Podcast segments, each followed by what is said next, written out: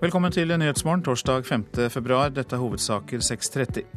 Én av fire kan risikere å bli midlertidig ansatt i helsevesenet med endret arbeidsmiljølov. Det mener Sykepleierforbundets leder Eli Gunhild By. Uheldig både for rekrutteringa og utviklinga av helsesektoren fremover. Regjeringens tiltak mot radikalisering er feilslått. Det mener lederen av Islam Nett. Økt konflikt på Filippinene mellom muslimske opprørere og myndighetene. Hva gjør fredsmegler Norge? Utenriksministeren kommer hit om få minutter. Og Facebook har sensurert et av maleriene til billedkunstneren Yngvild Birkeland. Jeg blir jo helt matt. Jeg syns det er fullstendig tullete, for å være helt ærlig. Norsk Sykepleierforbund frykter at regjeringens forslag til arbeidsmiljølov kan føre til at eh, hver fjerde ansatt i helsevesenet får midlertidig jobb. Bekymringen er grunnløs, svarer regjeringen. Men leder i Sykepleierforbundet, Eli Gunhild By, lar seg ikke berolige. All erfaring som vi har, tilsier at eh, arbeidsgiverne bruker den muligheten. Eh, og det er jo klart at det her er svært uheldig, både for rekrutteringa og utviklinga av helsesektoren fremover. I helsevesenet er allerede 12% midlertidig ansatt. Regjeringen åpner for flere, opptil 15% av arbeidsstokken, som kan ansettes uten vilkår og kommer i tillegg. Sykepleierforbundets regnestykke er at det kan gi en andel midlertidige på over 25 det er jo klart det her har med både arbeidsforholdene å gjøre, men det handler jo også om pasientsikkerhet. Nettopp fordi at man trenger kontinuitet eh, for å gi god behandling til pasientene. Nei, Vi mener det er en eh, bekymring det ikke er grunnlag for. Svarer statssekretær Kristian Dahlberg Hauge i Arbeidsdepartementet. For forslaget har flere begrensninger, bl.a. karantene. Det betyr at det vil ikke være mulig at faste oppgaver over tid gjennomføres av overlappende midlertidig ansatte. Og Det er jo nettopp fordi at vi vil ramme dette inn som et springbrett inn i arbeidslivet for de som i dag står utenfor, og gjøre det enklere å gå over i fast stilling. Så det vil ikke være mulig at sykehus eller andre eh, gjennomfører dette i form av at man henter inn stadig nye midlertidige. Arbeidsgiverforeningen Spekter er også motstander av regjeringens forslag om flere midlertidige. Men når det gjelder sykehusene, er det ingen grunn til bekymring, mener administrerende direktør Anne Kari Bratten. Det er det motsatte som skjer i sykehusene nå. Sykehusenes ledere er opptatt av å redusere midlertidighet. De tar, reduserer på konsulentbruk, reduserer på innleie fra bemanningsbyråer. Fordi i sykehusene så er det viktig med fast ansatte i hele stillinger, for det gir best kompetanse og kontinuitet rundt pasientene, og det gir den beste pasientsikkerheten. Sykepleierforbundet på sin side avviser at de maler fanden på veggen. Vi har sett forslagene og lest lovforslaget nøye, og vi tar utgangspunkt i det når eh, vi ser konsekvensene av det. Så vi tar dette svært alvorlig. Eli Gunhild By, altså leder i Norsk Sykepleierforbund, eh, reporter Katrin Hellesnes. Regjeringens tiltak mot radikalisering er feilslått. Det mener lederen av Islamnett, Fahad Qureshi. Han sier til Aftenposten at regjeringen fokuserer på tiltak de tror vil fungere, i stedet for tiltak muslimene mener fungerer.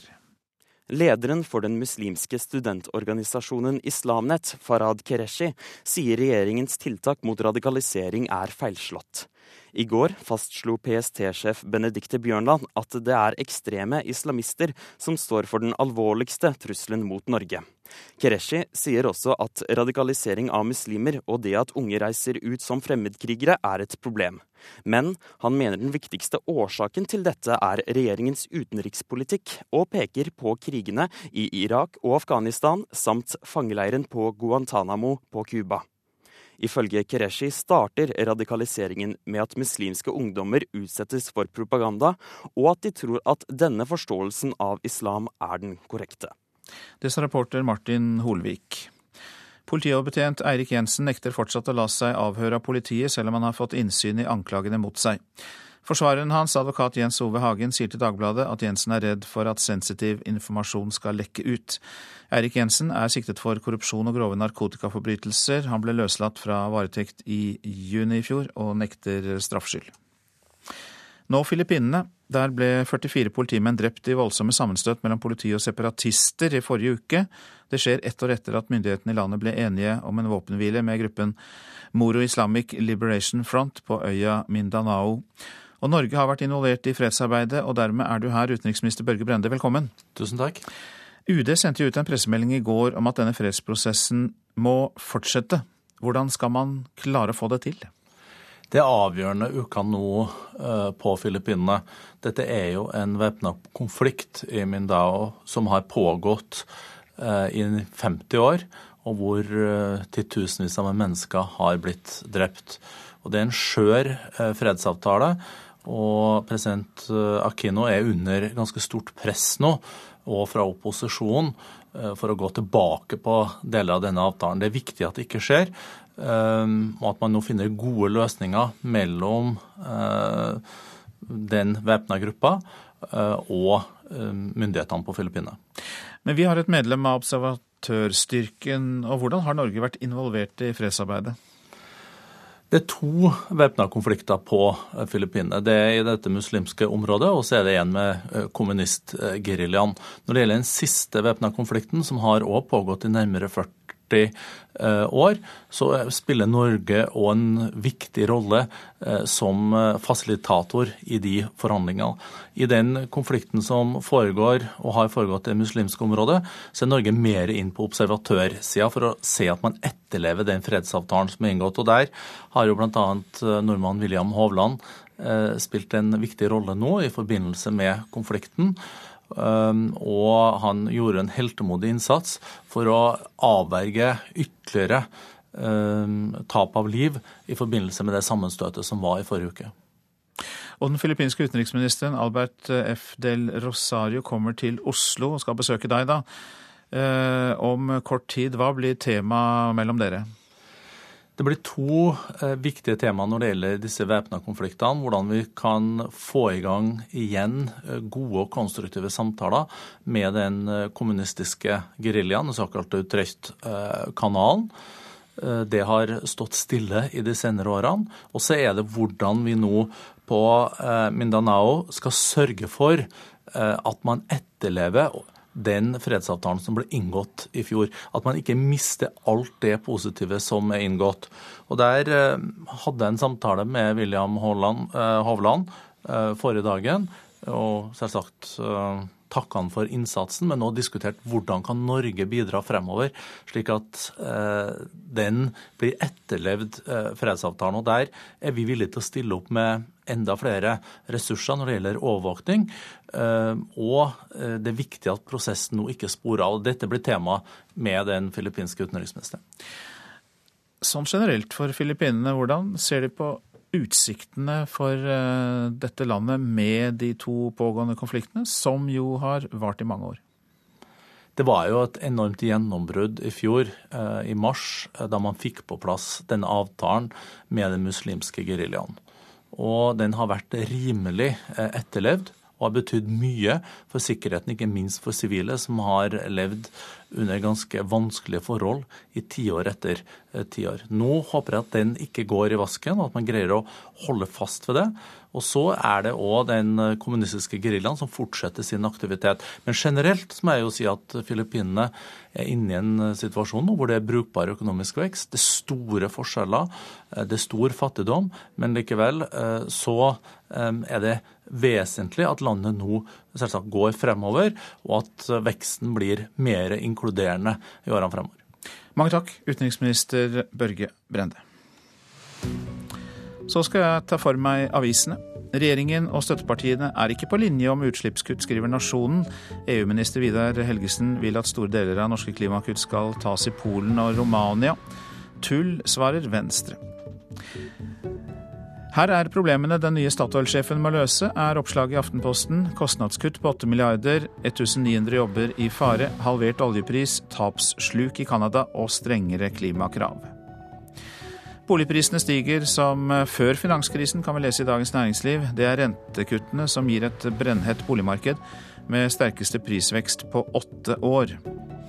Og slik får du gratis lån i fem år, skriver VG. Aldri før har det vært billigere å binde boliglånsrenten, som nå er lavere enn laveste flytende rente. I tillegg gjør skattefradrag og inflasjon boliglånet gratis. Radikalisering og voldelig ekstremisme kan stoppes i klasserommet. Det sier byrådslederen i Oslo, Stian Berger Østland, til Dagsavisen. Som første kommune i landet tar hovedstaden i bruk et nytt undervisningsopplegg mot ekstremisme i den videregående skolen.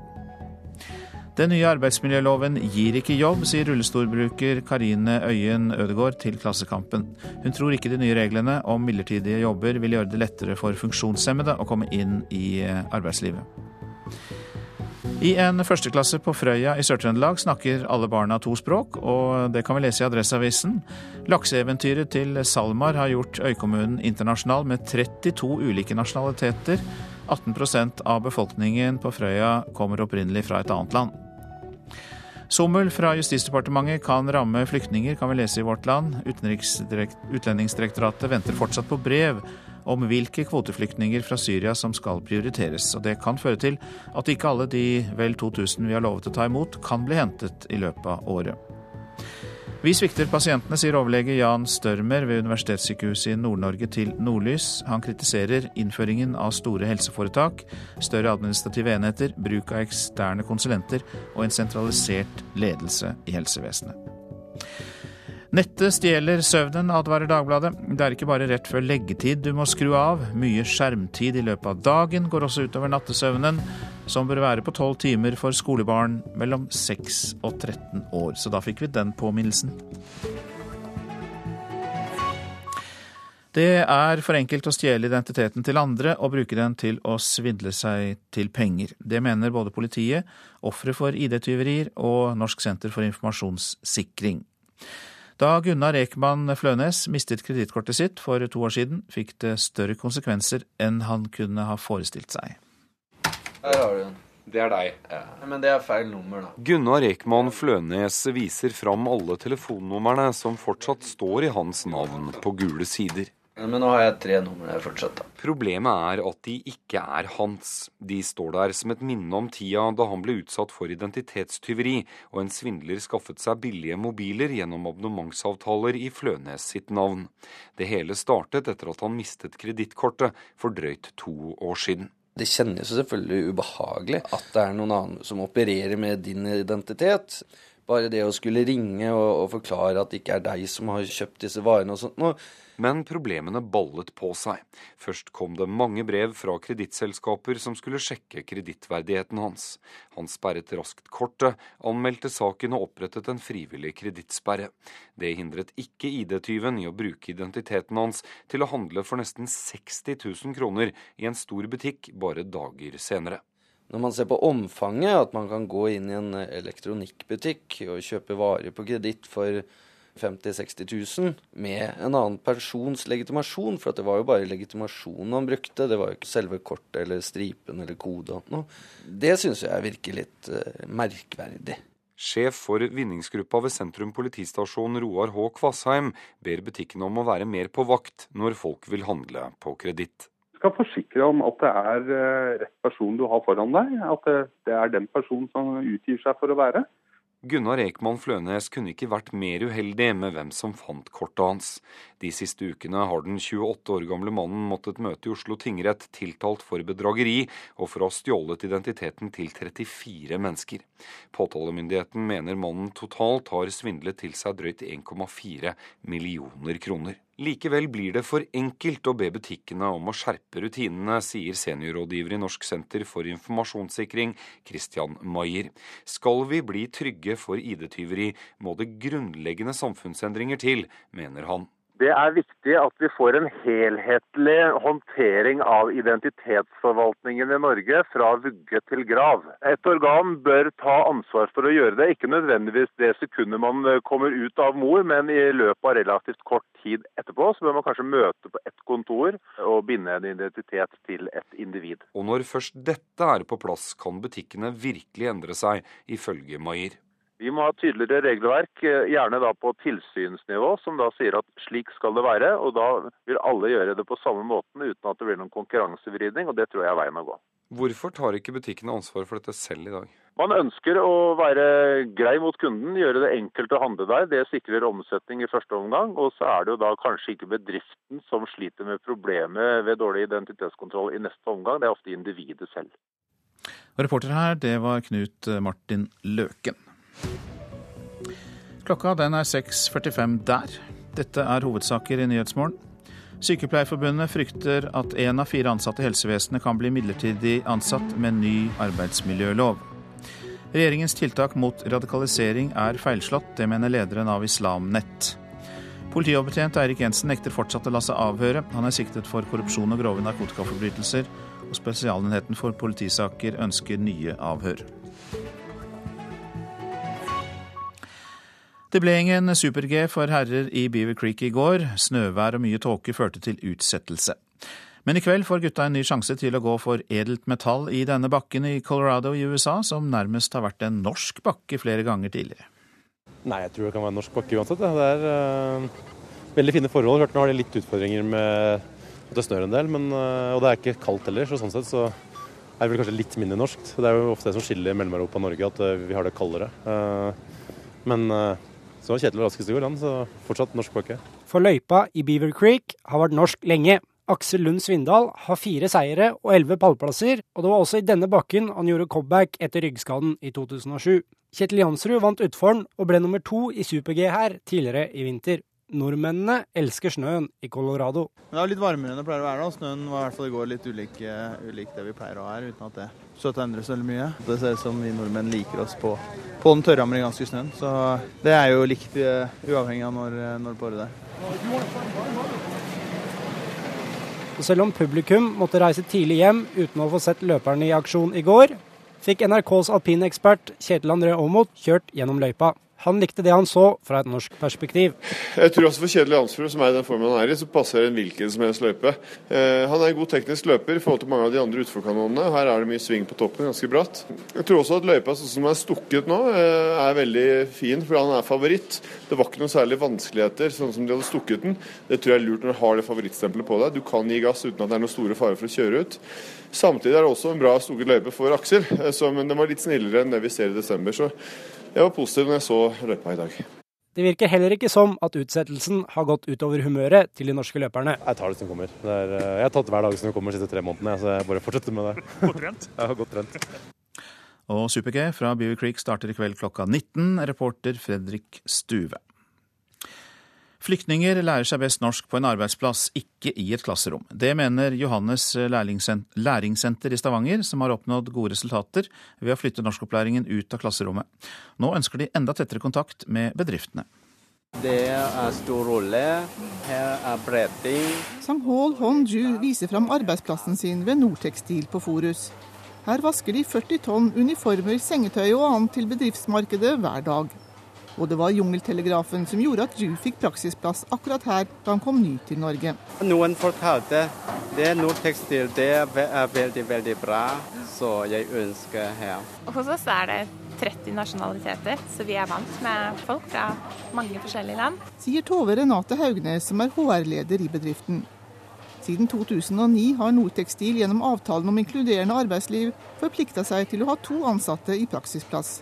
Det har ikke vært noen tung byrde, sier hun. Det kreves ikke så mye av bedriftene, men det gir veldig mye til alle disse som trenger å få en sjanse til å komme seg ut og begynne å få praksis en plass. Vi opplever jo at de stiller seg veldig på tilbudssiden og åpner opp veldig for å integrere arbeidstakere som ønsker å komme inn i arbeidsmarkedet i Norge. Sier rektor Jørn Pedersen ved Johannes læringssenter i Stavanger. Senteret står for både norskopplæring og arbeidet med å integrere nyankomne flyktninger i arbeidslivet. Til enhver tid har de rundt 50 deltakere ute i praksis i private og offentlige bedrifter. Hei, Adesis. Hvordan går det i dag? Ja, det går bra. Hvilken type arbeid har du gjort i dag? To forskjellige maskiner jeg jobbet i dag. Introduksjonsrådgiver Hilde Christensen fra læringssenteret sjekker hvordan det går med Abdiasis bare nå. Ca. en gang i måneden besøker hun og kollegene hennes deltakerne ute på praksisplassen. Hovedtyngden av norskopplæringa foregår derimot inne på senteret i Stavanger. Det ønsker rektor Jørn Pedersen å endre på. Vi ønsker å ha det mest mulig praktisk og konkret på den måten at man da får norskopplæring i den situasjonen man befinner seg i i arbeidslivet og ikke eh, langt vekke på en skolebenk. Ved hjelp av penger fra Inkluderings- og mangfoldsdirektoratet har senteret derfor begynt å sende norsklærere ut på arbeidsplassene. Erfaringen er at det gjør samarbeidet med bedriftene og oppfølginga av deltakerne lettere, og undervisninga mer målretta. Dessuten lærer deltakerne norsk fortere og bedre, mener han. Det vil jeg si at de gjør, ja. Noen av personene som er inne i uh, introduksjonsprogrammet, har uh, lite erfaring med å gå på skole, men har stor kompetanse i å lære og å arbeide. Men de har lært det i praktiske situasjoner. Når vi kan trekke opplæring ut i praksisfeltet, så betyr det at vi kan gi dem et tilbud om opplæring som er mye mer likt det de faktisk er vant til og klarer å ta inn over seg. Plassmangel har gjort at denne ordninga foreløpig ikke har latt seg gjennomføre ved Nortekstil. Men også her er trening i norsk viktig, sier Tove Renete Haugnes. Hos oss er det sånn at eh, nesten alle snakker norsk. Og da blir man på en måte litt nødt for å snakke norsk. For bedriften har praksisordninga den fordelen at de har god tilgang på arbeidskraft. De er veldig flinke. De engasjerer seg i andre oppgaver òg når de ser at det trengs. Så det er veldig bra. Vi kan ikke ansette alle, men vi ansetter eh, ofte eh, så fort vi trenger nye ansatte. Annet gjelder det Sang-Hol Hon Chiu. Han har nå fast stilling på fulltid på vaskeriet, og etter erfaring fra både restaurant og bygningsarbeid før han kom til Norge, føler han at han nå er kommet på rett hylle. Her er best for meg. Hvorfor det? Fordi det er bra for helse, ikke tung jobb. Jeg er veldig glad her. Reportasjen var laget av Marianne Terjesen. Facebook har fjernet et av billedkunstner Yngvild Birkelands malerier fra sine nettsider. Et abstrakt bilde av en naken kvinne var for sterk kost for det sosiale mediet. Når de da begynner å sensurere billedkunst, det er jo heller ikke figurativ fotografisk billedkunst på noen måte. Det er temmelig abstrahert. Jeg blir jo helt matt. Jeg syns det er fullstendig tullete, for å være helt ærlig. Slik skildrer billedkunstner Yngvild Birkeland opplevelser med Facebook. Det starta som et blogginnlegg om det nye året. Til blogginnlegget la hun ut bilde av måleriet sitt, Irene Heavy, et abstrakt måleri i blåtoner med en naken kvinneskikkelse. Etter god respons på innlegget ønsker Birkeland å spreie det videre ved å nytte seg av annonsepromoteringa til Facebook. Eh, og da fikk jeg til svar at det kunne de dessverre ikke gjøre. Fordi at jeg syntes det var for drøyt. da. Eh, det de skriver, er at eh, annonsene ikke kan bruke overdreven seksuelle bilder, antyde nakenhet, vise for mye hud eller kløften mellom brystene, eller fokusere unødig på bestemte kroppsdeler. Og Birkeland er ikke den eneste som har fått denne pekefingeren. For de senere åra har det med jevne mellomrom dukket opp flere saker der Facebook har gått inn og fjerna eller hindra materiale som de mener bryter med deres retningslinjer, ifra å spreie seg. Både filmskapere og dansekompani har blitt råka. Senest på søndag kunne en lese i VG at Barne-, ungdoms- og familiedirektoratet har blitt hindra i å spreie sin annonse om sexpress mot unge via Facebook. Nå har òg abstrakt billedkunst blitt fordrøyt. Det blir liksom helt meningsløst at ikke hun skal få lov til å bruke Facebook til å markedsføre sine bilder, når eh, veldig mange andre har muligheten til å markedsføre sine produkter og tjenester eh, i sosiale medier. Sier høgskolelektor ved BI og ekspert på sosiale medier Cecilie Staude. Petter Gjelsnes, partner og faglig leder i JCPR, henger seg på Staude, men mener òg at Men det er bare viktig å huske på at, det, at Facebook det er et amerikansk selskap som er basert på amerikanske retningslinjer, og også hva som er normen for hva som er akseptabelt. Det er sånn. Dette bildet er sånn er jo helt Det er vanskelig å forstå hvorfor de har sensurert dette. Det det henger jo ikke på greip. Staude tror ikke det er realistisk å tenke at Facebook skal kunne gå inn i alle enkeltsaker. Man kunne kanskje forvente at Facebook burde utøvd mer skjønn i sånne saker, men det er jo også vanskelig å, å, forestille seg at man skal ha muligheten til å kunne gå gjennom alt type innhold. Men hadde jeg vært billedkunstneren, så ville jeg jo da tatt kontakt med Facebook selv. Og nettopp dette gjorde Yngvild Birkeland. Hun kontakta Facebook og la fram sitt syn på saka. Og da fikk jeg egentlig bare akkurat det samme svaret tilbake igjen. Sånn her, det ser ut som en autotekst, nesten. Jeg kan ikke forstå at de i det hele tatt har vurdert saker. Og Det har ikke lykkes NRK å komme i kontakt med Facebook om dette. Reporter var Guro Kvalnes.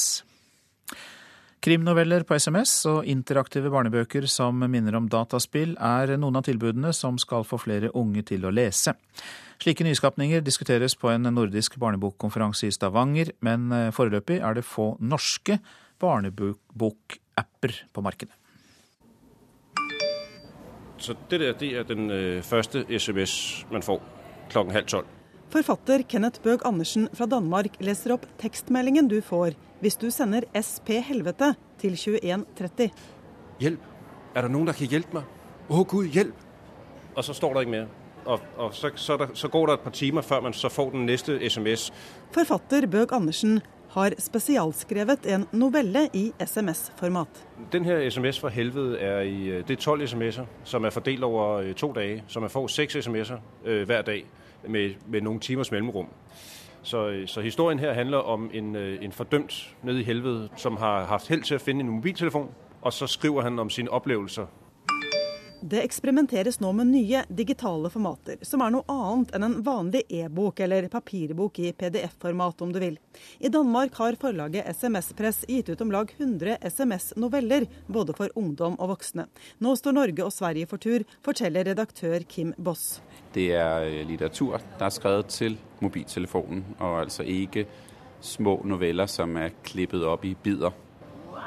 Så her kommer vi snart til, eh, til Det er jo noen sånne ting å trykke på her, da, som, som gjør at ugla ule og frosken hopper litt. Grann. Forfatter Endre Lund Eriksen viser fram bokspillet 'Jakten på Teddy'. En barnebokapplikasjon til nettbrett, altså en digital fortelling med animasjon, tekst og kommentar, og som er utviklet i samarbeid med spillselskapet Plusspoint. Men som altså likevel er en bok, sier Lund Eriksen. Så Vi kaller det en interaktiv bok. Det vil si at det er en bok der eh, du som leser er med på å gjøre noen valg som eh, har betydning for hva som skjer i, i historien.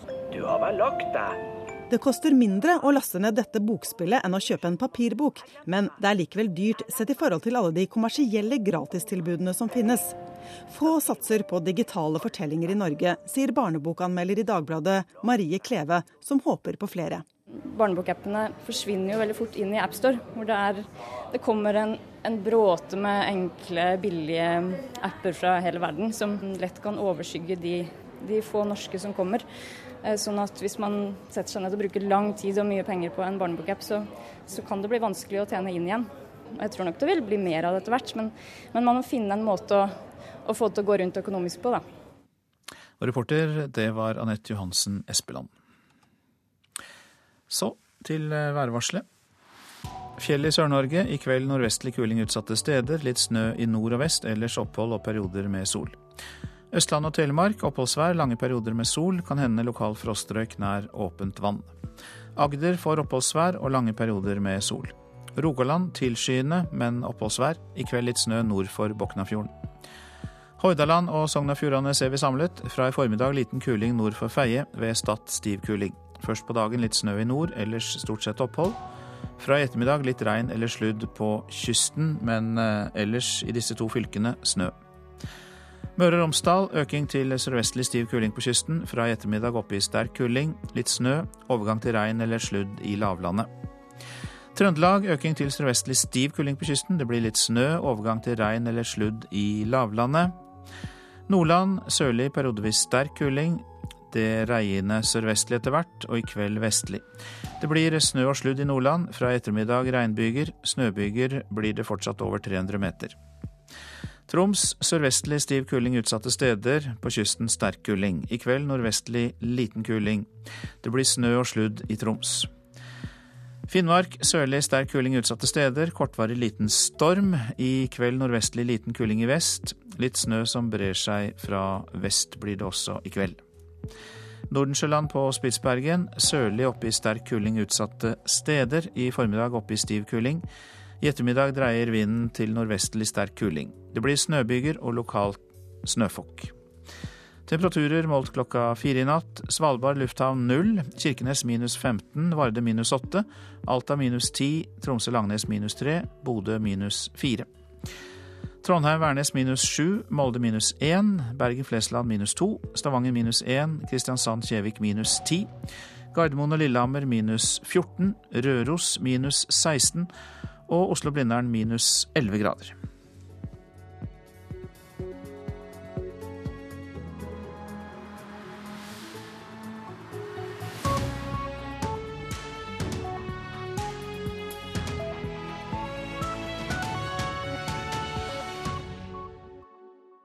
Minnene om de gule gummistøvlene, de gule draktene og de gule taxiene som kom kjørende med lik under ebolaepidemien i Liberia, har fått nødhjelpskoordinator Lindis Hurum til å drømme gult. I dag møter du hun i salongen. Salongen. 17 18 på NRK P2. Børge Brendes rolle blir trukket inn i saken om tvangsretur av afghanske asylsøkere. Det er altfor enkelt å stjele identiteten din, mener politiet. Her er NRK Dagsnytt klokka sju. Utenriksminister Børge Brende sier antallet norske asylreturer ikke var noe tema i hans samtaler med afghanske myndigheter. Bergens Tidende skriver i dag at den norske ambassaden i Kabul varslet Utenriksdepartementet i Norge om misnøye med de mange tvangsreturene.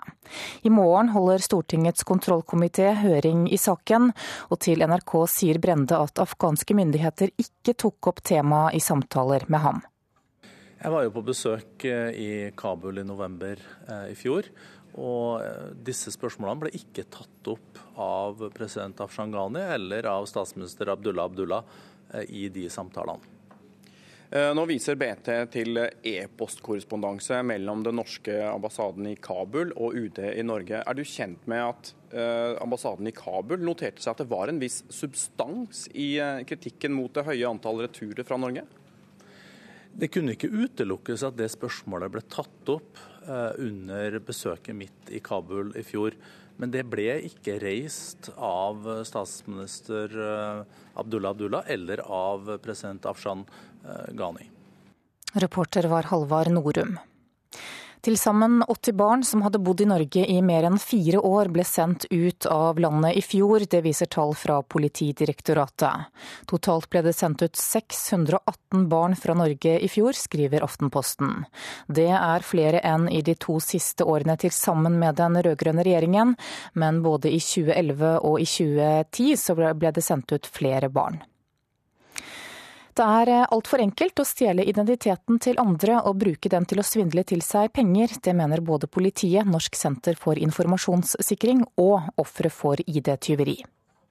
Der har du den. Det er deg. Ja. Men det er feil nummer, da. Gunnar Ekman Flønes viser fram alle telefonnumrene som fortsatt står i hans navn på gule sider. Men nå har jeg tre numre fortsatt, da. Problemet er at de ikke er hans. De står der som et minne om tida da han ble utsatt for identitetstyveri, og en svindler skaffet seg billige mobiler gjennom abonnementsavtaler i Flønes sitt navn.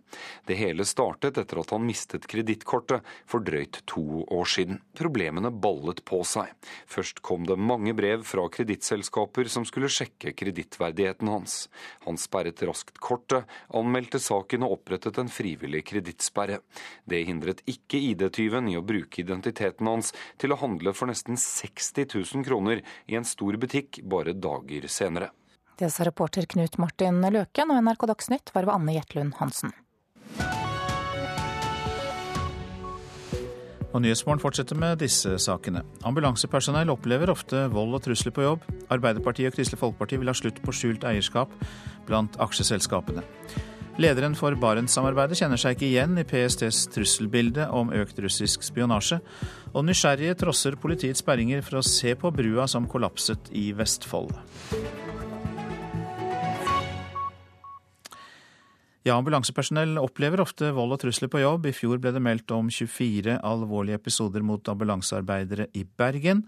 Også i Oslo og Akershus melder ambulansetjenesten om en tøffere hverdag. Anette Ingvardsen er ambulansearbeider i Bergen, og nylig ble hun truet med kniv hjemme hos en pasient. Da står jeg egentlig litt inneklemt i et hjørne, og pasienten tar opp en kniv. De rykker ut når vi trenger det mest. Hver dag står det om livet. Men ikke alle er like takknemlige. Anette Ingvardsen opplevde nylig å bli truet på livet. Så stikker pasienten kniven imot magen min, egentlig veldig nærmt eh, bare et par centimeter ifra. Da var jeg ganske sikker på at det uh, skulle stikke meg i, i, magen. Her inne har vi jo eh, årer som pasienten kan ligge på. Så har vi hjertestarter. Ambulansearbeidere opplever i økende grad trusler, vold og skremmende oppførsel ute på jobb. Både i Oslo og Bergen viser tallene det samme.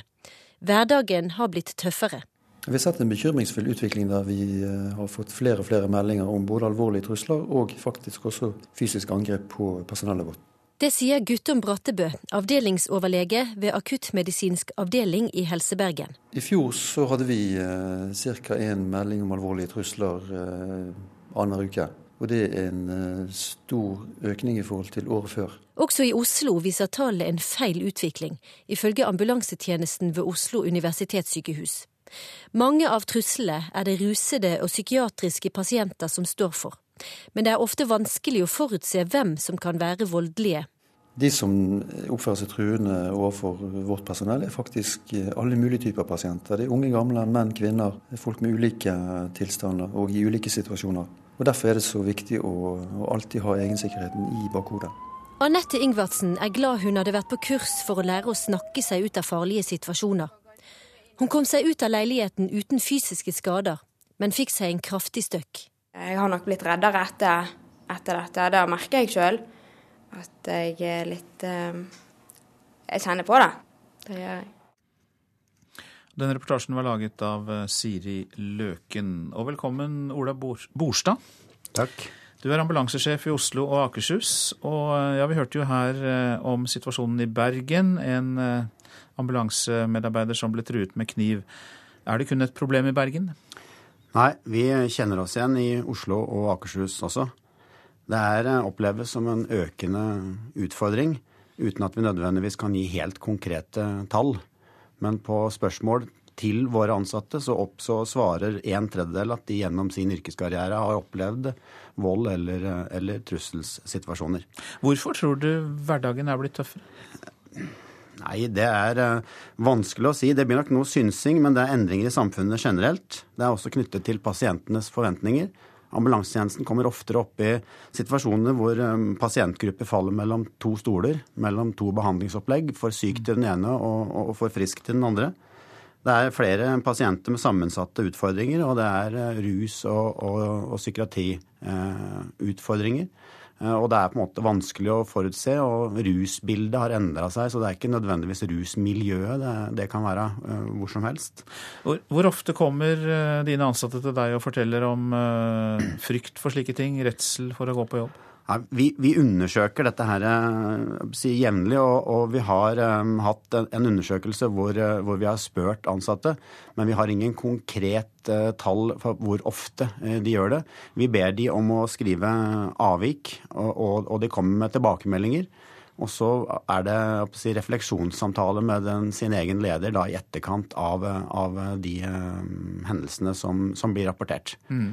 Ja, vi vet jo at dere er gode til å håndtere akutte situasjoner, stressende situasjoner. Det må jo ambulansepersonell gjøre. Men er dere gode nok til å håndtere trusler mot dere selv? Ja, vi ser det at um, tjenesten og vårt personell er en del av samfunnet.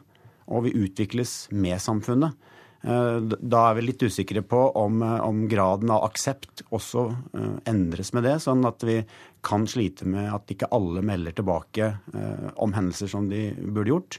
Og så er vi ikke flinke nok til å Vi kan bli bedre på å, å drive med den type forebyggende virksomhet for oss sjøl. Men vi, vi driver med opplæring på en sikkerhetskultur og tenker veldig mm, på å, å se hvordan kan vi unngå de situasjonene. Og sånn som de nevnte fra Bergen, så driver vi også med opplæring i kommunikasjon. Eh, hvordan unngå eh, situasjoner, hvordan se eh, faresignaler. Eh, hvordan komme ut av dem med tanke på hvor du plasserer deg, eh, hvordan du utfører, eh, utfører jobben din. Og så er det temaer på møter, og, og, vi prøver å bygge det inn i andre øvelsesmomenter som ikke nødvendigvis har med sikkerhet å gjøre, men vi tenker det i tillegg. Men tror du altså at det er folk som jobber for deg som har opplevd slike ting, og som ikke går videre med det, ikke forteller det til deg, og liksom tåler du den, så tåler du den? At det liksom bare, er, bare føler at det øker på med trusler, men ikke går videre med det?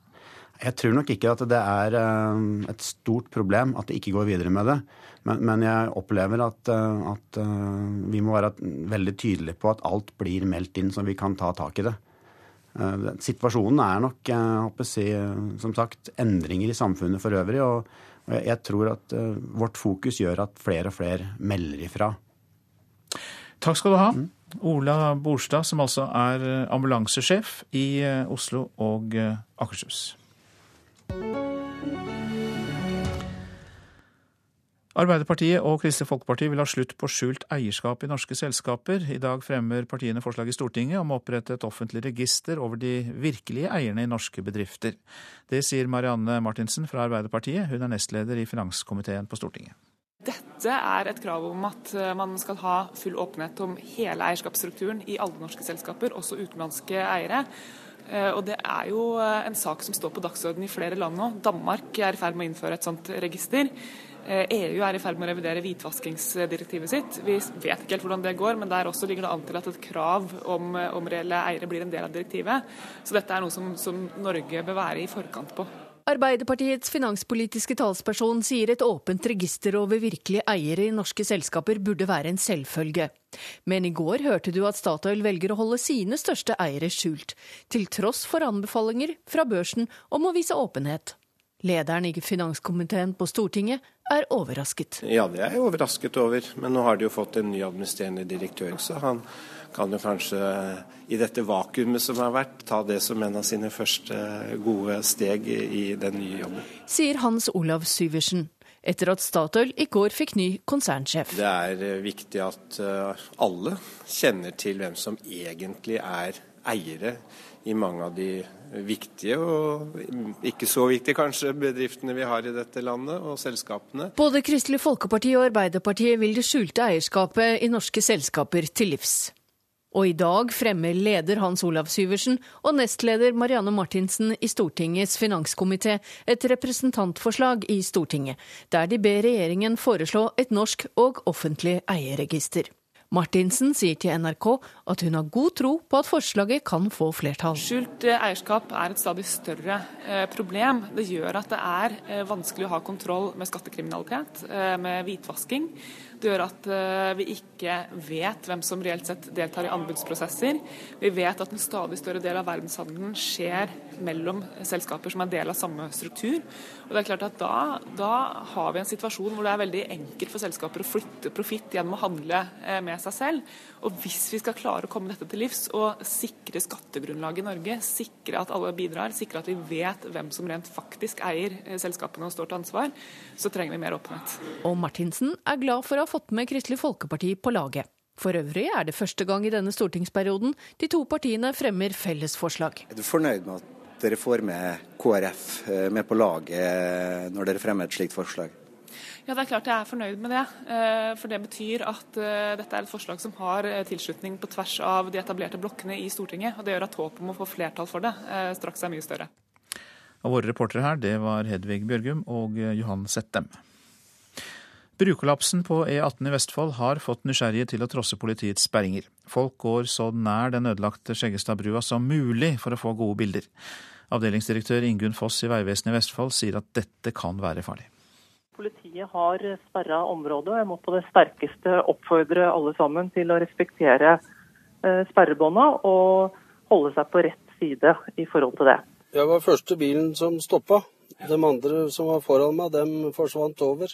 Bilistene som kjørte over Skjeggestadbrua på E18 i Holmestrand mandag, fikk sjokk da motorveien bokstavelig talt knelte under dem. Brua står på kvikkleire, og kollapsen var et faktum da grunnen rundt bruas fundament raste ut. Nå tar altså folk seg forbi politisperringene for å ta bilder av stedet. Det får operasjonsleder Anne Meyer i Vestfold politidistrikt til å true med bøter. Nei, altså de kan vente seg, Hvis vi påtreffer de, så kan de vente seg at de for første blir eventuelt bortvist fra stedet. Og så kan de jo da risikere å få en bot for ikke å etterkomme pålegg fra politiet. Da. I går tømte Vegvesenet Skjeggestadbrua for biler. Både personbiler og trailere ble trukket til sikkerhet. Samtidig begynte grunnboringen, og den fortsetter i dag. Grunnboringene vil jo først og fremst gi oss eh, opplysninger om stabiliteten i området, og hva vi må gjøre av tiltak for å, eh, eh, for å sørge for at området er stabilt. Eh, deretter så er det jo da å finne ut hva det, hvilken tilstand har begge bruene, og hva må eventuelt gjøres med begge to. Er det en knekk på den andre brua? Tilstanden på den det holder vi på å kartlegge. Det er altså uvisst når bilistene kan bruke E18 igjen. Og i mellomtiden ber veibestene folk holde seg unna. Dette er jo politiet som har sperra området. Og foreløpig så nå sender vi ut en oppfordring. og så må vi jo diskutere dette med politiet videre, hvordan vi skal forholde oss til det. Reporter var Hans Jørgen Solli. To av Høyres stortingsrepresentanter ber sin egen regjering droppe forslaget om et nasjonalt forbud mot tigging. Regjeringen har lagt fram eh, et forslag om at det skal bli straffbart både å tigge og hjelpe tiggere. Frank Jensen og Linda Helleland fra Høyre reagerer på at det å hjelpe mennesker i nød skal straffes, og de mener at justisministeren ikke har gjort en god nok jobb, skriver Adresseavisen. Også Unge Høyre har tidligere sagt at de mener forslaget må, om å forby tigging må droppes. Klokka den passerte nettopp kvart over sju. Vi har disse hovedsakene. Utenriksminister Børge Brende sier antallet norske asylreturer ikke var tema i hans samtaler med afghanske myndigheter. Bergens Tidende skriver at den norske ambassaden i Kabul varslet UD om misnøye med tvangsretur. Arbeiderpartiet og Kristelig Folkeparti vil ha slutt på skjult eierskap i Bedrifts-Norge, legger fram forslag i Stortinget om offentlig register. Og jeg har hørt at ambulansepersonell opplever oftere vold og trusler på jobb. Det skjer flere steder i landet. I fjor ble det f.eks. meldt om 24 alvorlige episoder mot ambulansearbeidere i Bergen. Våpenhjelp fra Nato til Ukraina blir tema når USAs utenriksminister John Kerry i dag besøker Kiev. Den ukrainske presidenten Petro Porosjenko sier situasjonen øst i Ukraina har blitt så alvorlig at det ukrainske forsvaret trenger betydelig støtte, inkludert moderne våpen. Vi var i en butikk da det small. Jeg skjønte ikke hva det var som skjedde. Svigerdattera mi ropte 'legg deg ned'. Vi var livredde, så small det igjen. Jeg så kropper ligge spredd rundt en bussholdeplass. Jeg tror de er døde, jeg veit ikke. Kvinna som er intervjua av Reuters, er i sjokk. Rundt henne vandrer andre traumatiserte innbyggere rundt utbrente biler og ruiner i den øst-ukrainske byen Donetsk. Byen har i flere dager blitt bombardert med artilleri. Et sykehus var truffet, og ei bostadsblokk. Vi skulle feire bursdag, huset var fullt av barn. Nå sitter vi alle i en korridor, forteller ei kvinne. De russiskvennlige styrkene i Donetsk og den ukrainske hæren skylder på hverandre for ødeleggingene. Ukraina hevder det er Russland som står bak opprørerne, og ber om hjelp fra USA og Nato. De ønsker seg moderne våpen, sier president Porosjenko, som i dag tar imot den amerikanske utenriksministeren John Kerry. Men mange intellektuelle i USA er skeptiske. Tenketanken Brookings hadde i går en heftig debatt, der flertallet mener det å væpne Ukraina kan føre til at Nato direkte blir dregen inn i konflikt med Russland. Men den ukrainske offiseren Oleksij Sjavtsjenko er ikke bekymra. Slik han ser det, er den ukrainske hæren allerede i full krig. Situasjonen kan ikke bli verre. This war is already going on in a full power.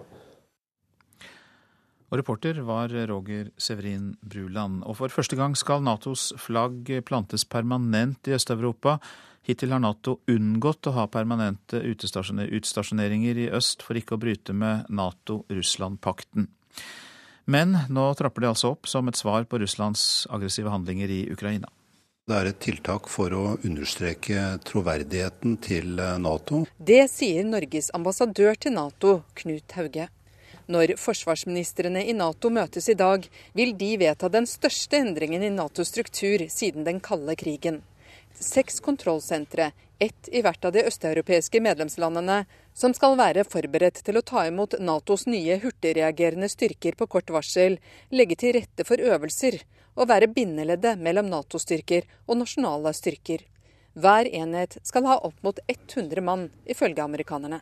Så det er eh, ganske små enheter, men det er samtidig politisk viktig. Fordi dette er eh, første gang det kommer et eh, fast Nato-nærvær på, på, bakken i, i disse landene. Norge har hele tiden støttet et slikt nærvær, sier forsvarsminister Ine Eriksen Søreide. Det er viktig å vise tilstedeværelse. Det er viktig at vi beroliger østlige allierte, og ikke minst får en effektiv struktur i Nato. Og det kan vi bidra til ved å, å støtte disse tiltakene. Nato har en avtale med Russland om ikke å plassere faste militærbaser i de nye medlemslandene. Men i avtalen er det også snakk om en viss størrelsesorden. Nå blir det et permanent Nato-nærvær på bakken i disse landene, men forsvarsministeren frykter ikke at russerne vil bli provosert.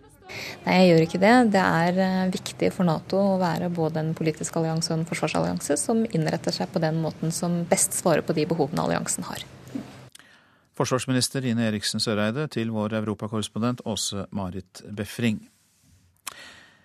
Men det er veldig uheldig for det norsk-russiske samarbeidet at man stigmatiserer russerne. Det mener Rune Rafaelsen, som leder Barentssekretariatet. Politiets sikkerhetstjeneste mener russisk spionasje er på samme høye nivå som under den kalde krigen. Men i Barentshovedstaden Kirkenes kjenner man seg ikke igjen i trusselbildet. Nei, jeg har aldri opplevd det. Jeg har jobba med Russland mer eller mindre profesjonelt i ja, 25 år. På all slags samfunnsområder. jeg er iallfall en gang i måneden i Russland og møter altså, russere på alle nivå.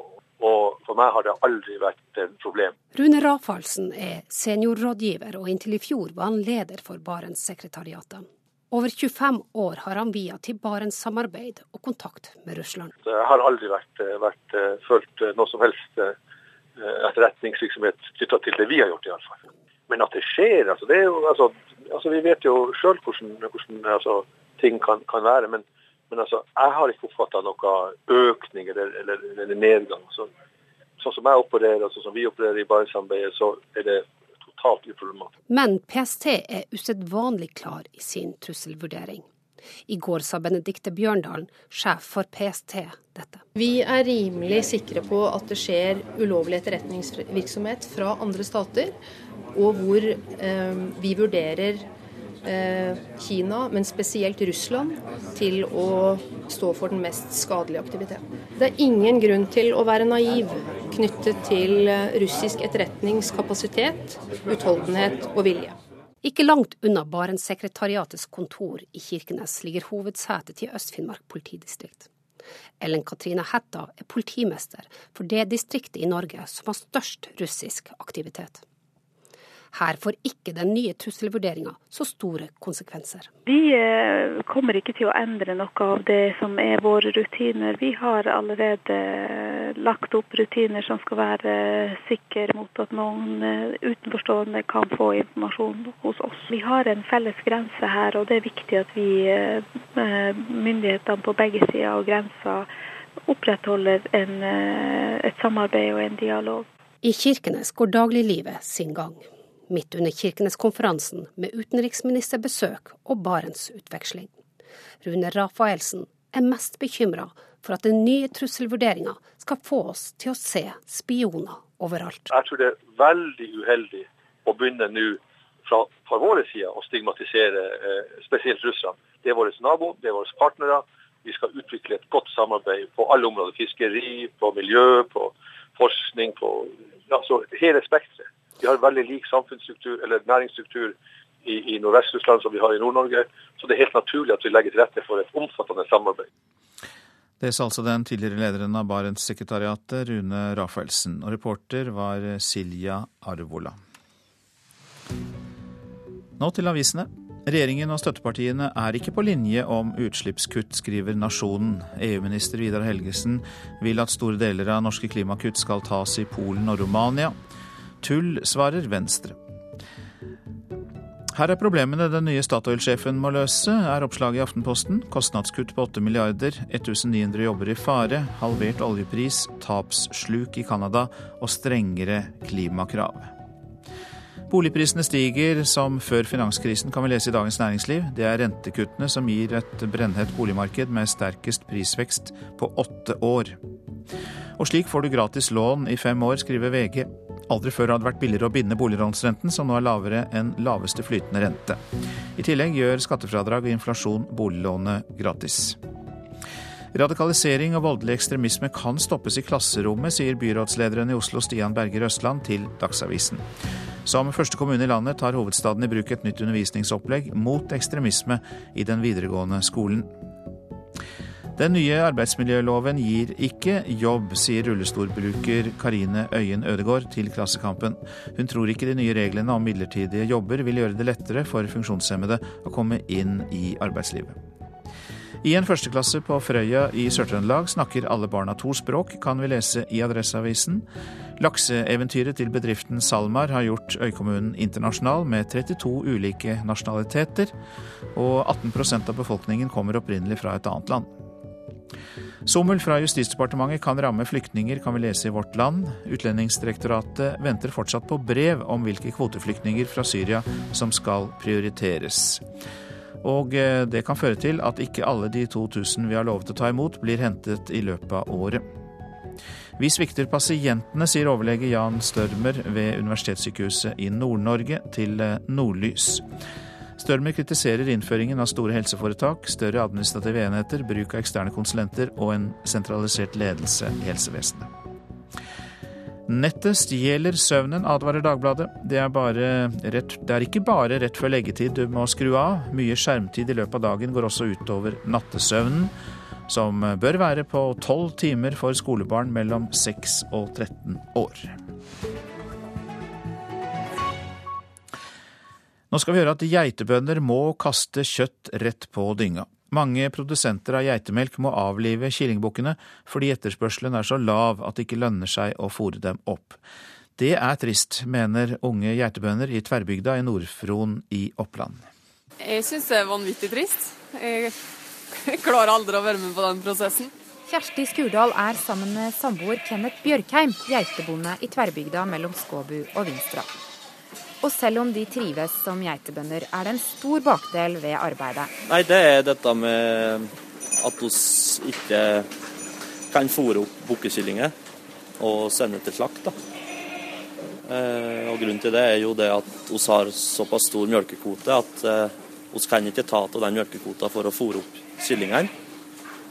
Eh, og det fører jo til at vi må, må avlive størstedelen av bukkekyllingene. Det er nemlig dessverre slik at det ikke lønner seg for melkeproduserende geitebønder å fòre opp kjebukkene. Grunnen er at det er svært få som etterspør kjøttet, og dermed går bøndene i minus dersom de sender det til slakt. Så det er en veldig, veldig kjedelig bit å ta der.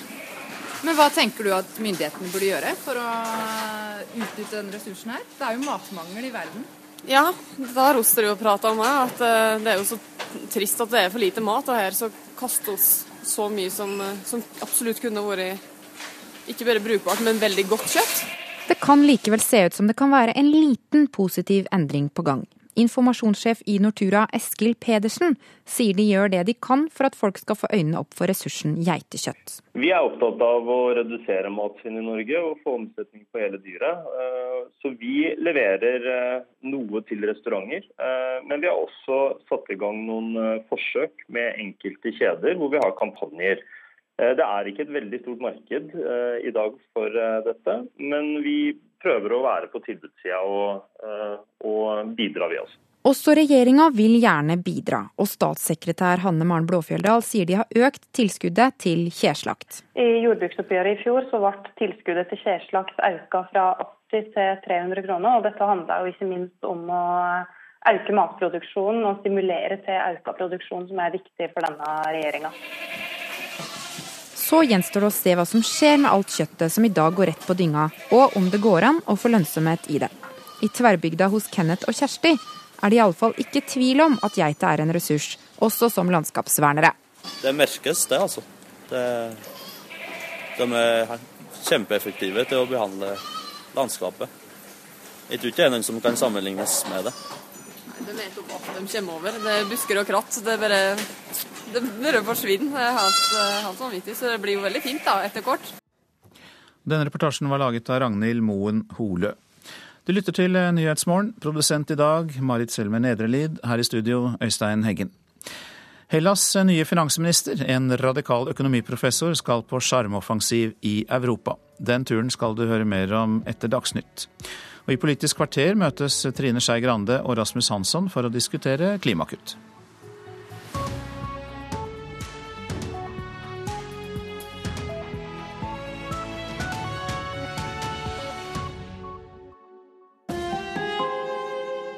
Hør ekko. Hva gjør vi når den store, sterke naboen begynner å bråke? Vi kan låse døra og bare slutte å snakke med han. Eller vi kan være greie likevel hvis han ber om hjelp. Han hjalp jo oss en gang. Nå ber Russland om hjelp til å finne falne russiske soldater fra krigens dager. Norge nøler. Ekko 9 11 i NRK P2.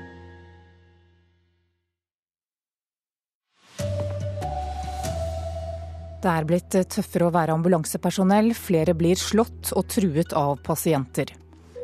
Folk tråkker over politisperringene ved den ødelagte broen i Holmestrand for å sikre seg gode bilder.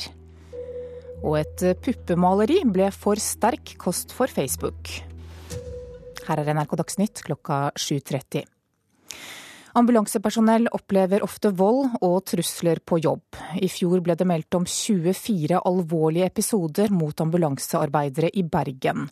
Også i Oslo og Akershus forteller ambulansetjenesten om en tøffere hverdag. Ambulansearbeider Anette Ingvardsen ble nylig truet med kniv hjemme hos en pasient. Så stikker pasienten kniven imot magen min, egentlig veldig nærmt eh, bare et par centimeter ifra. Da var jeg ganske sikker på at hun uh, skulle stikke meg i, i, magen. Her inne har vi jo åra som pasienten kan ligge på.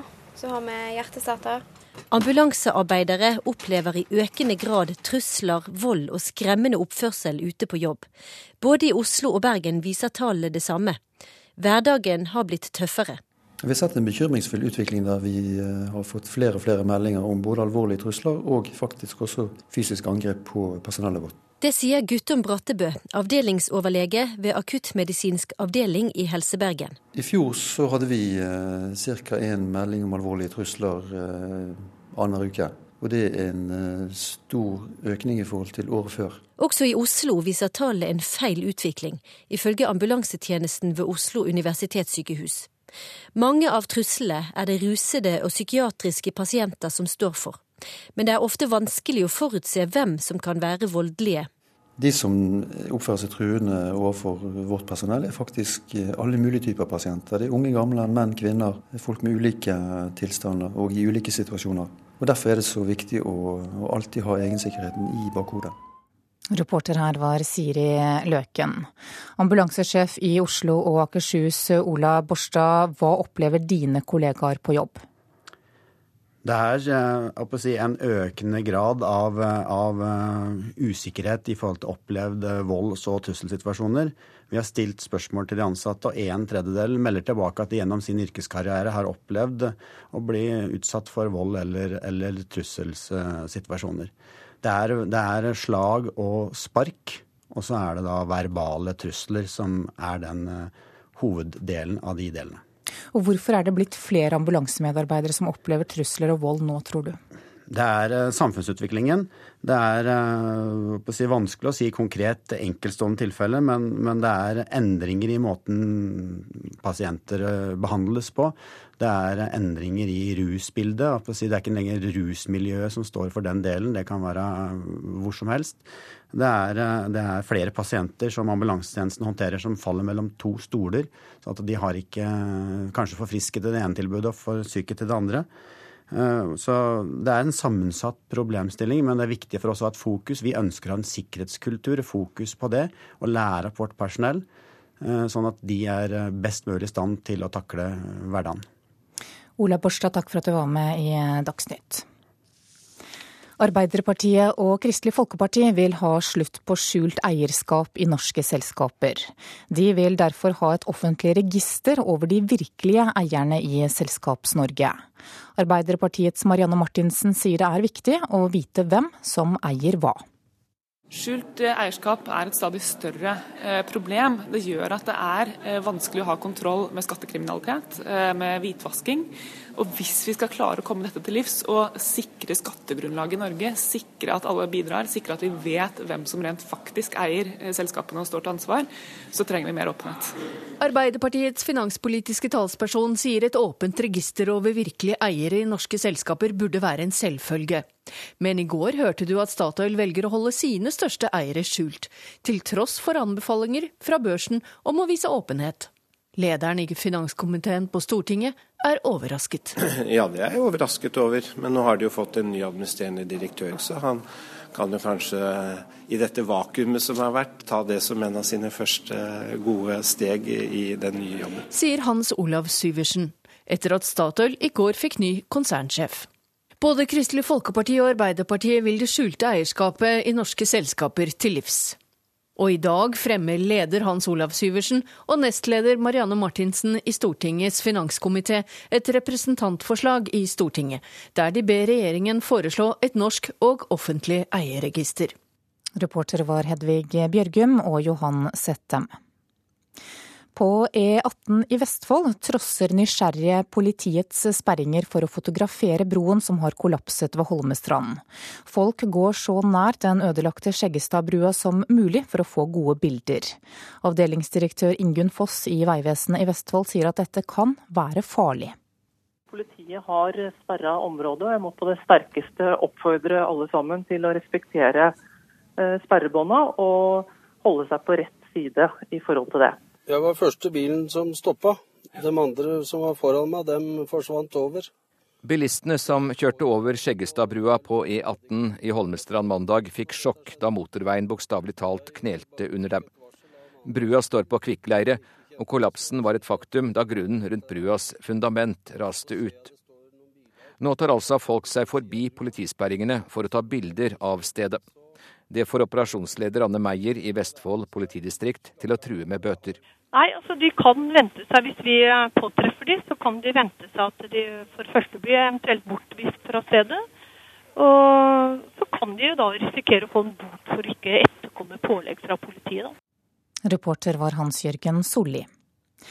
Flygeren som førte ulykkesflyet som styrtet i den taiwanske hovedstaden Taipei i går, blir hyllet for å ha hindret flyet fra å treffe bygninger. I alt er 31 mennesker funnet omkommet etter ulykken, blant dem er flygeren og annen flygeren. Regjeringens forslag til arbeidsmiljølov kan føre til at hver fjerde ansatt i helsevesenet har midlertidig jobb. Det mener Norsk Sykepleierforbund. Bekymringen er helt grunnløs, svarer regjeringen, men leder i Sykepleierforbundet, Eli Gunhild By, blir ikke beroliget. All erfaring som vi har, tilsier at eh, arbeidsgiverne bruker den muligheten. I helsevesenet er allerede 12% midlertidig ansatt. Regjeringen åpner for flere, opptil 15% av arbeidsstokken, som kan ansettes uten vilkår og kommer i tillegg. Sykepleierforbundets regnestykke er at det kan gi en andel midlertidige på over 25% Og Det er jo klart at det her er svært uheldig, både for rekrutteringa og utviklinga av helsesektoren fremover. Nei, Vi mener det er en eh, bekymring det ikke er grunnlag for. Svarer statssekretær i Arbeidsdepartementet Christian Dahlberg Hauge. For forslaget har flere begrensninger, bl.a. karantene. Det betyr at det vil ikke være mulig at faste oppgaver over tid gjennomføres av overlappende midlertidig ansatte. Arbeidsgiverforeningen Spekter er også mot flere midlertidige. Men når det gjelder sykehusene er det ingen grunn til bekymring, sier administrerende direktør Anne Kari Bratten. Sykehusenes ledere er opptatt av å redusere midlertidighet. De tar reduserer på konsulentbruk, reduserer på innleie fra bemanningsbyråer. Fordi i sykehusene så er det viktig med fast ansatte i hele stillinger. Reporter her, det var Katrin Hellesnes.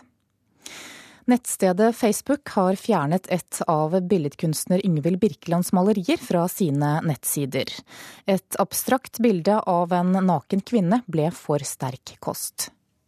Jeg syns det er fullstendig tullete, for å være helt ærlig. Slik skildrer billedkunstner Yngvild Birkeland opplevelsen med Facebook.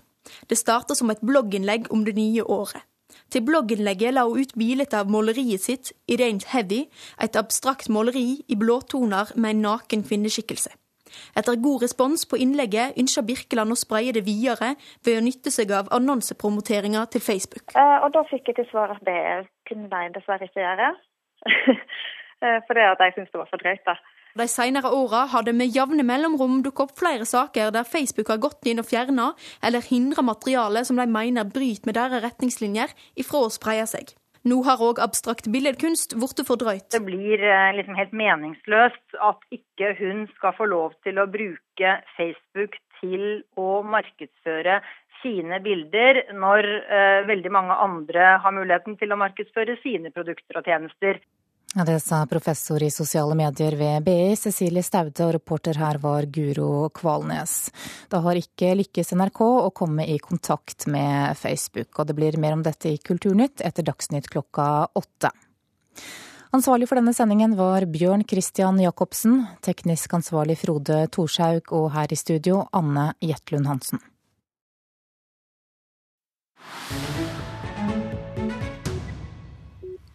Da slår vi fast at det er Nyhetsmorgen du lytter til. Hellas' nye regjering kjemper en innbitt kamp for å få reforhandlet landets enorme gjeld til EU. Arbeidet ledes av landets nye finansminister, en radikal økonomiprofessor uten politisk erfaring. Denne uken er Janis Varoufakis på sjarmoffensiv i Europa.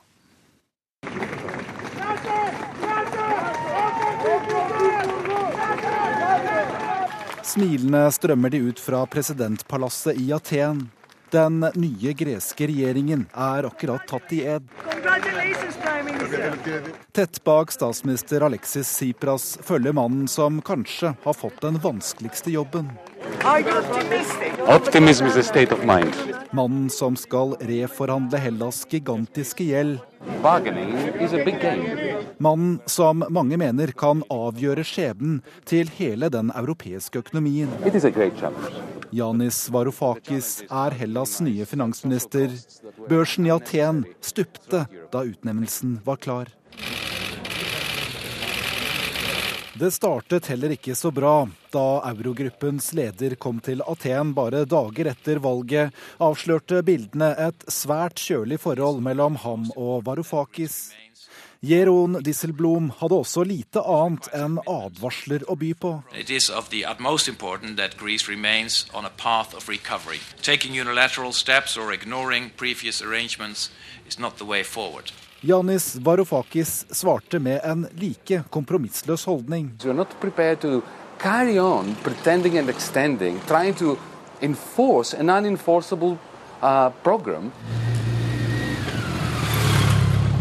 Det er ingen vanlig politiker som har overtatt styringen av den greske økonomien. Ikke ser han ut som en heller. Det vakte oppsikt da Varoufakis kom til sitt første regjeringsmøte på motorsykkel. Den tjukke lærjakken og støvlene har han beholdt på i offisielle møter. United only name the European Union is, I'm afraid, in a process of disintegration as we speak. Janis Varoufakis er den radikale økonomiprofessoren som slo seg opp som en meget aktiv kommentator på finanskrisen i Europa. Han har kalt EUs kuttpolitikk for økonomisk waterboarding, og har reist rundt og snakket med alle som ville høre på ham. De som ikke har hørt ham, har kunnet lese på bloggen hans, en blogg han akter å oppdatere også som finansminister. Med Syrizas valgseier har han havnet ved maktens bord med en klar forventning om å innfri partiets viktigste valgløfte. Denne uken startet han på en sjarmoffensiv i Europa, nå også med en noe mer ydmyk holdning. My message to our German friends, and indeed to all Europeans, is that no hand will be overplayed because we're not entering this in a confrontational manner. This is what journalists love to portray the situation as, as a kind of Wild West showdown. This is not it. We're privileged to be here in Downing Street. Merci beaucoup. Målet med rundturen i Europa er å sanke støtte til planene om en reforhandling av landets enorme statsgjeld. En gjeld som utgjør over 175% av Hellas' bruttonasjonalprodukt. Ifølge Varoufakis jobber landet nå med et alternativ til innstrammingstiltakene. Summer, firm the European Union, the, the Eurozone, the IMF, the European Central Bank, so that Greece can stop being in the headlines of the world financial press. Det skal være betydelig skepsis til å endre på sparetiltakene innad i EU. Om Yanis Varoufakis lykkes med sin sjarmoffensiv, får vi trolig først svar på senere denne våren. Én ting har han i alle fall oppnådd med sin europaturné. Aten-børsen er tilbake der den var før han ble finansminister. Reporter her, Petter Auli Hauge. Dette er Nyhetsmorgen, og dette er hovedsaker. Det er blitt tøffere å være ambulansepersonell. Flere blir slått og truet av pasienter. Sykepleierforbundet frykter at én av fire ansatte i helsevesenet bare får midlertidige jobber med en ny arbeidsmiljølov. Arbeiderpartiet og Kristelig Folkeparti vil ha slutt på skjult eierskap i Bedrifts-Norge, legge fram forslag i Stortinget om offentlig register. Folk tråkker over politisperringene ved den ødelagte brua i Holmestrand for å sikre seg gode bilder. Og nettstedet Facebook har fjernet et av billedkunstner Yngvild Birkelands malerier fra sine nettsteder. Et abstrakt bilde av en naken kvinne ble for sterk kost. Politisk kvarter nå ved Håvard Grønli.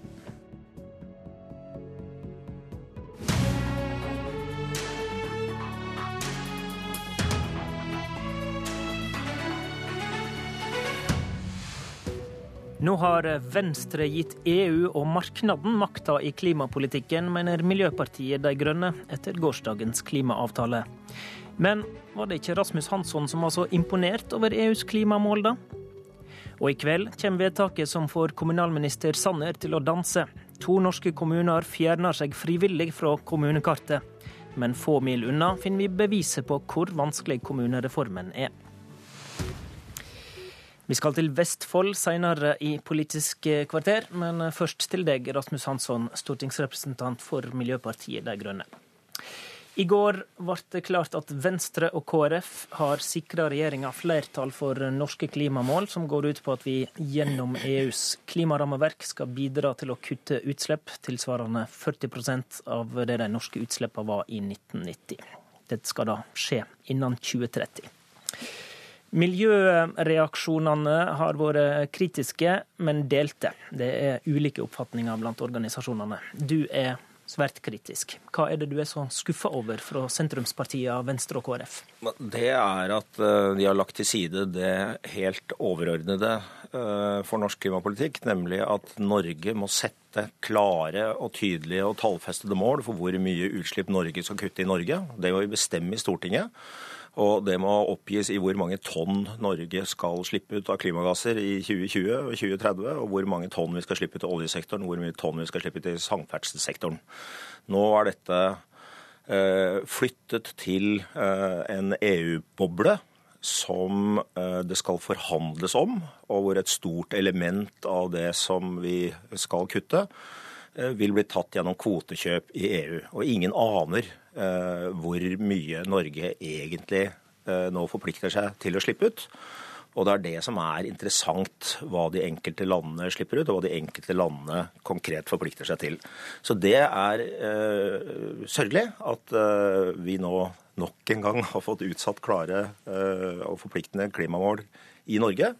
Eh, og så er det riktig at EU har en tøffere og mer forpliktende klimapolitikk enn det vi har. Men uh, vår rolle i den, EU-klimapolitikken, er altså fortsatt helt i det blå, og det er det store problemet. God morgen i studio i Bergen, Venstre-leder Trine Skei Grande. God morgen. God morgen. Har Venstre med denne avtalen gått bort fra prinsippet om nasjonale klimamål, slik Hansson peker på? Nei, jeg tror jeg kan avklare denne misforståelsen med en gang. Det vi hadde pressekonferanse på i går, er hva Norge skal melde inn til Paris-toppmøtet eh, om hva Norge skal kutte.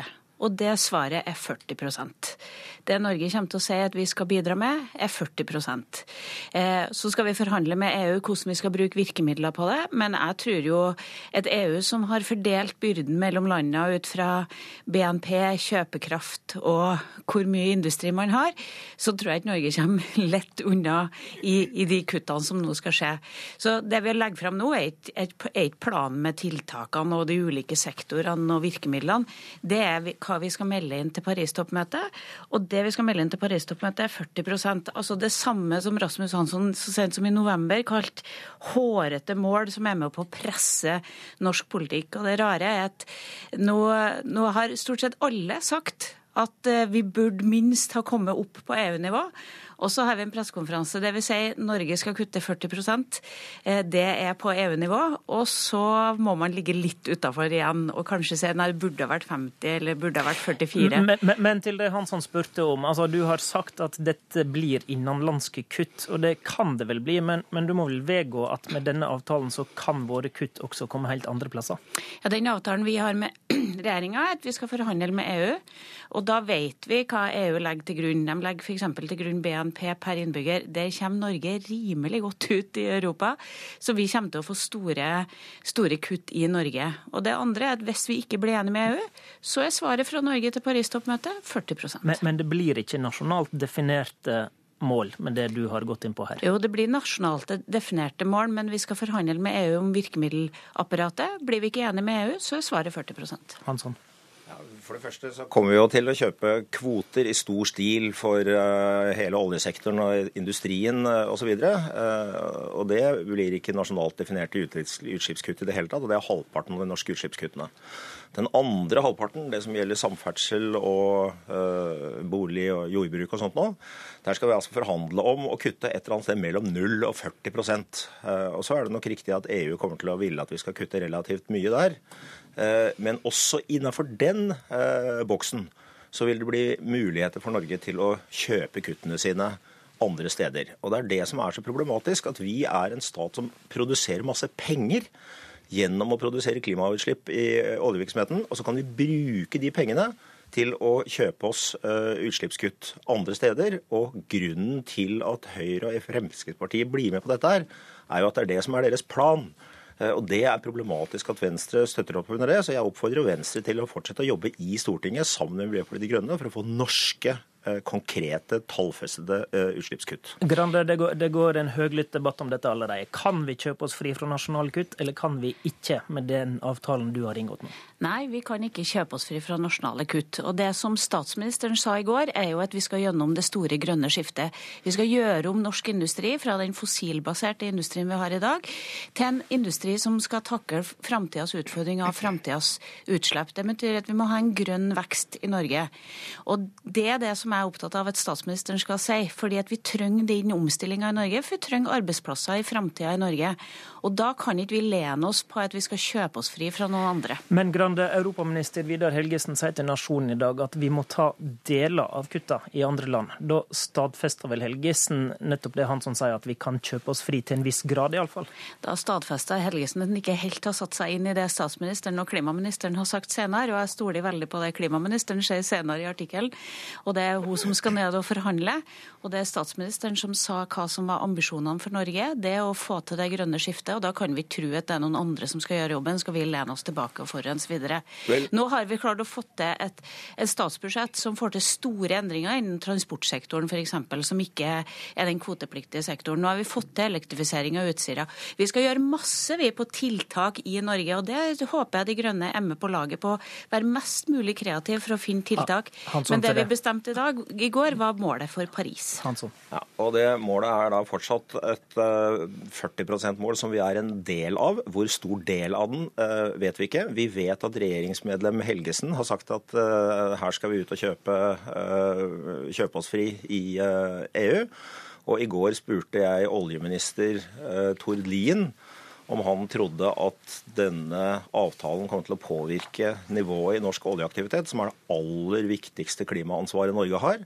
Og svaret i Stortingets spørretime var nei. Det trodde ikke han. Så vi har altså to regjeringsmedlemmer som dessverre sier det som er, har vært eh, regjeringens politikk hele tiden, nemlig at vi vil ikke sette nasjonale mål. Og det er nasjonale, forpliktende mål vi trenger, og det må vi fortsatt jobbe for som, i det norske Stortinget. Men Hansson, du har jo skrytt av EU sine ambisiøse kuttemål. Hvorfor er det da galt når Norge faktisk slutter seg til den politikken? Jo, fordi at vi vet ikke hva som blir Norges del av det. Norge må forplikte seg selv til hvor mye vi vil slippe ut. Eh, problemet er at Norge har fryktelig mye penger som vi kan bruke i EU-bobla til å kjøpe oss fri fra nasjonale kutt.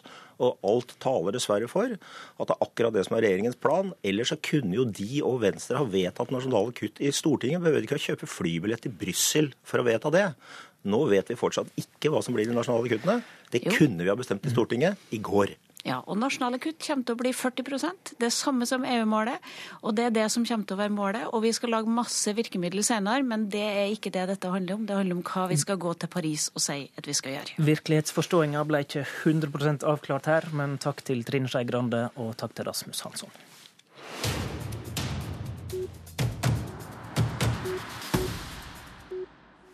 I kveld gjør kommunestyret i Sandefjord det endelige vedtaket som gjør at den første kommunesammenslåinga i samband med kommunereformen er en realitet. Sandefjord, Andebu og Stokke kommuner blir til én. Ordfører Bjørn Ole Gleditsch i Sandefjord, vi får vel gratulere med dagen, da? Ja, det blir en eh, spennende dag og en historisk dag for Sandefjord. Det er 47 år siden forrige sammenslåing. Det er jo eh, faktisk ganske uvanlig at det her skjer i Norge. Ehm, hva var avgjørende for å få til at tre kommuner frivillig går sammen om å bli en større? Hva var avgjørende etter ditt syn?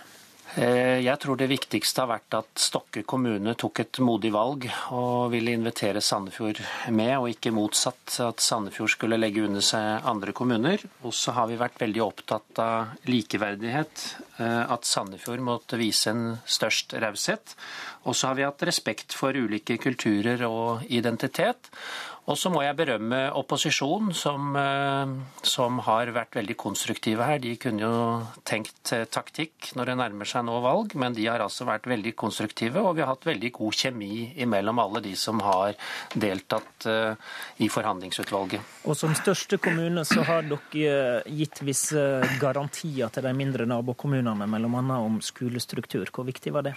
Nei, Det var avgjørende, særlig for ytterkantene i de to kommunene. Så har det vært stor grad av urolighet i forhold til hva som vil skje med, med skolene. og eh, jeg har vært med 24 år i politikken, og vi har ikke lagt ned noen skoler i den tiden. og Det ga vel også en trygghet for at eh, skolen er viktig, og vi har nærmiljøordninger som er tilknyttet grunnskolen. Og det vil vi bygge videre på også i den nye kommunen som vi nå skal bygge. Du sitter sammen i studio med din partikollega i Høyre, Petter Berg, som er ordfører i Tønsberg. Tønsberg prøvde å få til det samme som Sandefjord. Dere ville lage storkommune sammen med øykommunene Nøtterøy og Tjøme, som ligger sør for Tønsberg. Mm. Men eh, for å sitere Tønsbergs Blad Berg. Det som fortonte seg som Norges enkleste og mest sjølsagte kommunesammenslåing, har rakna fullstendig. Mm. Tønsberg har altså ikke klart å framstå som så attraktiv som Sandefjord klarte. Hva har skjedd? Det viktigste er nok at eh, det politiske grunnlaget på Nøtterøy eh, særlig har ikke vært til stede. Eh, det har vært en sterk motstand på Nøtterøy fra dag én før dette prosjektet ble satt i gang. Særlig fra Fremskrittspartiets varaordfører, som har sterkt har, har mobilisert motstand mot prosjektet. Og så er det også et faktum at eh, Nøtterøy er jo i norsk sammenheng en, allerede en stor kommune med 20 000 innbyggere, og, og tilfredsstiller egentlig ekspertutvalgets krav til en, en robust kommune. Men faktum er jo at uh, hele uh, Nøtterøy, Tønsberg, Tjøme-området er et bo- og arbeidsmarked. Og kommunegrensene følger ikke bo- og arbeidsmarkedet. Så alle de faktiske forutsetningene eller kriteriene fra ekspertutvalget er til stede. Eh, I tillegg har vi hatt eh, blitt eh, Her prosessen har vært veldig forstyrret av en, en betent veidebatt som er over ti år gammel. Og mm. dette har virket veldig negativt inn, inn, inn på, på, selve debatten. Bru mellom Tønsberg og, og øyene snakker du om da? Ja, en ny fastlandsforbindelse. Og det har, de har vært en, en veldig sterk medvirkende årsak tror jeg, til at dette har havarert. I tillegg til at Eh, eh, både Nøtterøy og Tjøme er jo to, to, veldrevne kommuner og har et bra tjenestenivå. Så, Men eh, Er det sånn at dere ikke klarte å gi naboene det de har vært opptatt av, da, på samme måten som Sandefjord har klart å garantere? Nei, jeg, jeg, tror at uh, på samme måte altså i, i, i, det, hos uh, Sandefjord så var det Stokke som tok initiativet, og det var et tverrpolitisk ønske fra Stokke den forutsetninga har ikke vært til stede på Nøtterøy, og det er vel nok den store avgjørende forskjellen. Sandefjord-ordfører Gleditsch, du, du, har sagt du syns det var leit at Tønsberg ikke fikk til dette, men at du ikke er så overraska. Hvorfor?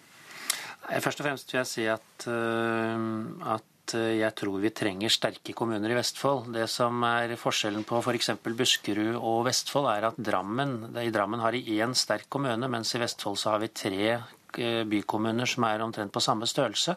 Og Da er det viktig at alle de tre bykommunene de er drivkraften i den utviklingen som jeg ønsker at Vestfold skal ha, nemlig hvor vi legger til rette for mest mulig vekst og utvikling. Men hvorfor var ikke du så overrasket over at det feila i Tønsberg? Nei, det er noe av det som Petter Berg sier, at det var ikke grunnlaget på Nøtterøy bl.a. Eh, politisk var ikke til stede på samme måte som det har vært i Andebu og Stokke.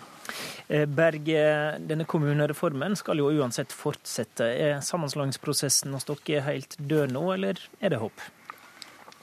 Nei, Det er sterke krefter på Nøtterøy og Tjøme som ser behovet for å skape én kommune, en, robust regionkommune. og eh, Jeg tror nok at tiden jobber for eh, vårt prosjekt. Men eh, jeg tror nok vi må erkjenne at per i dag så var ikke tiden moden med det med den sterke motstand som ble mobilisert på Nøtterøy. Når både to store partier som Fremskrittspartiet og også senere Arbeiderpartiet er, enten er motstandere eller er veldig i tvil, så er det ikke noe politisk grunnlag for å gå videre. Vi får avslutte der, og dere får ta tida til elf. Takk for at dere var med. Politisk kvarter i dag var ved Håvard Grønli.